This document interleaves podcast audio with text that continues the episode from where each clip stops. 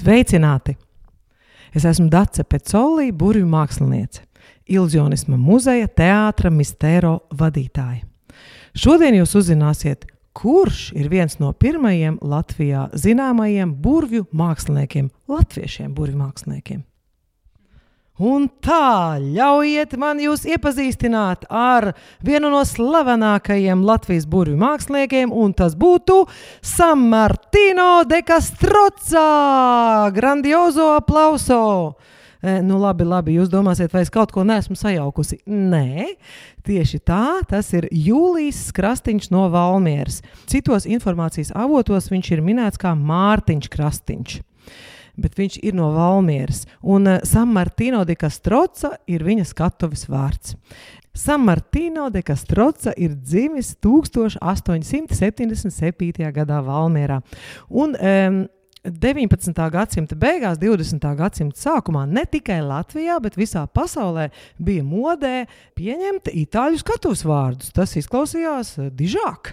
Reiz kādā Krievijas guberņā, kur Samartīno Dikastrots bija uzstājies labdarības pasākumā, bija ieradies pats cārs Nikolais II. Viņam tik ļoti iepatikās mūsu latviešu brīnumdaris, ka viņš viņu sāka uzaicināt diezgan bieži pie sevis uz galmu uzstāties. Un nepagāja neilgs laiciņš, kā viņš viņu apbalvoja ar zelta piespraudi, piešķīra viņam oficiāli profesora titulu un oficiāli paziņoja, ka Samartino Dikastroce ir viņa mīļākais galma burvju mākslinieks. Nedaudz apskatīsimies, kā tas viss sākās.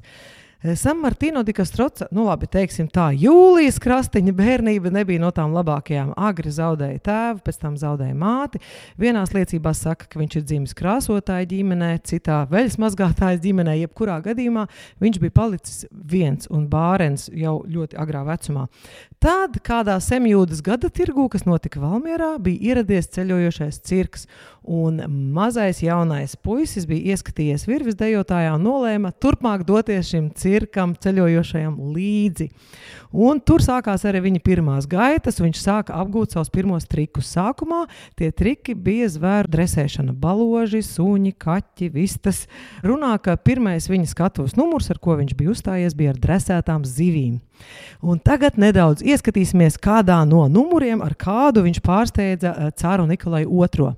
Samartino lika sevi piesiet pie tāda viena stāba, tā lai viņš nevar pakustēties, rokas viņam bija sasietas, un te pēkšņi viņš sakoncentrējās, norībēja pistoles šāviens, sāka riet suņi, pa gaisu aizlidoja gan jau tie iepriekš trenētie baloži, un tad uz galda sāka no glāzes līt ārā šķidrums, pēkšņi pats no sevis, un uz tāfeles, kas atradās 15 soļu attālumā, neredzama roka sāka rakstīt visu, ko viņai diktēja kāds cilvēks no zāles. Šādi te mistiski, maģiski, profesori cienīgi triki tika rādīti ne tikai Cara Nikolai II galmā. Mūsu Jūlijas Krastīņš ir uzstājies arī Spānijas karalienei, kā arī Persijas šaham. Arī Persijas šahs esot uzdāvinājis viņam eh, piespraudi ar briljantiem.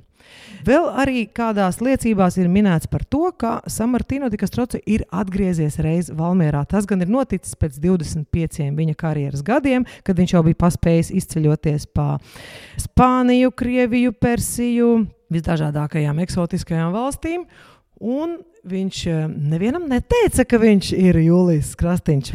Viņš uzdevās pa kādu dišciltīgu burvju mākslinieku no Parīzes. Un viņš pat esot runājis svešā mēlē. Tās izrādes ļoti veiksmīgi tur ir notikušas. Arī citās pilsētās, atvadoties no Latvijas savām viesizrāžu tūrēm, noslēdzoties, viņš bija uzaicinājis visus Valmieras, Rātas pilsētu kungus uz tādu bagātīgu klātu um, banketu. Viņš visu laiku ja runāja franciski, bet pašā noslēgumā viņš skaidrā latviešu valodā pateica cienījamās dāmas un kungi, pirms šķiramies, atļaujiet atklāt jums kādu noslēpumu. Jūsu priekšā stāv kādreizējais Valmieras baskājs Mārtiņš Krastīņš, un visiem mutes esot palikušas vaļā.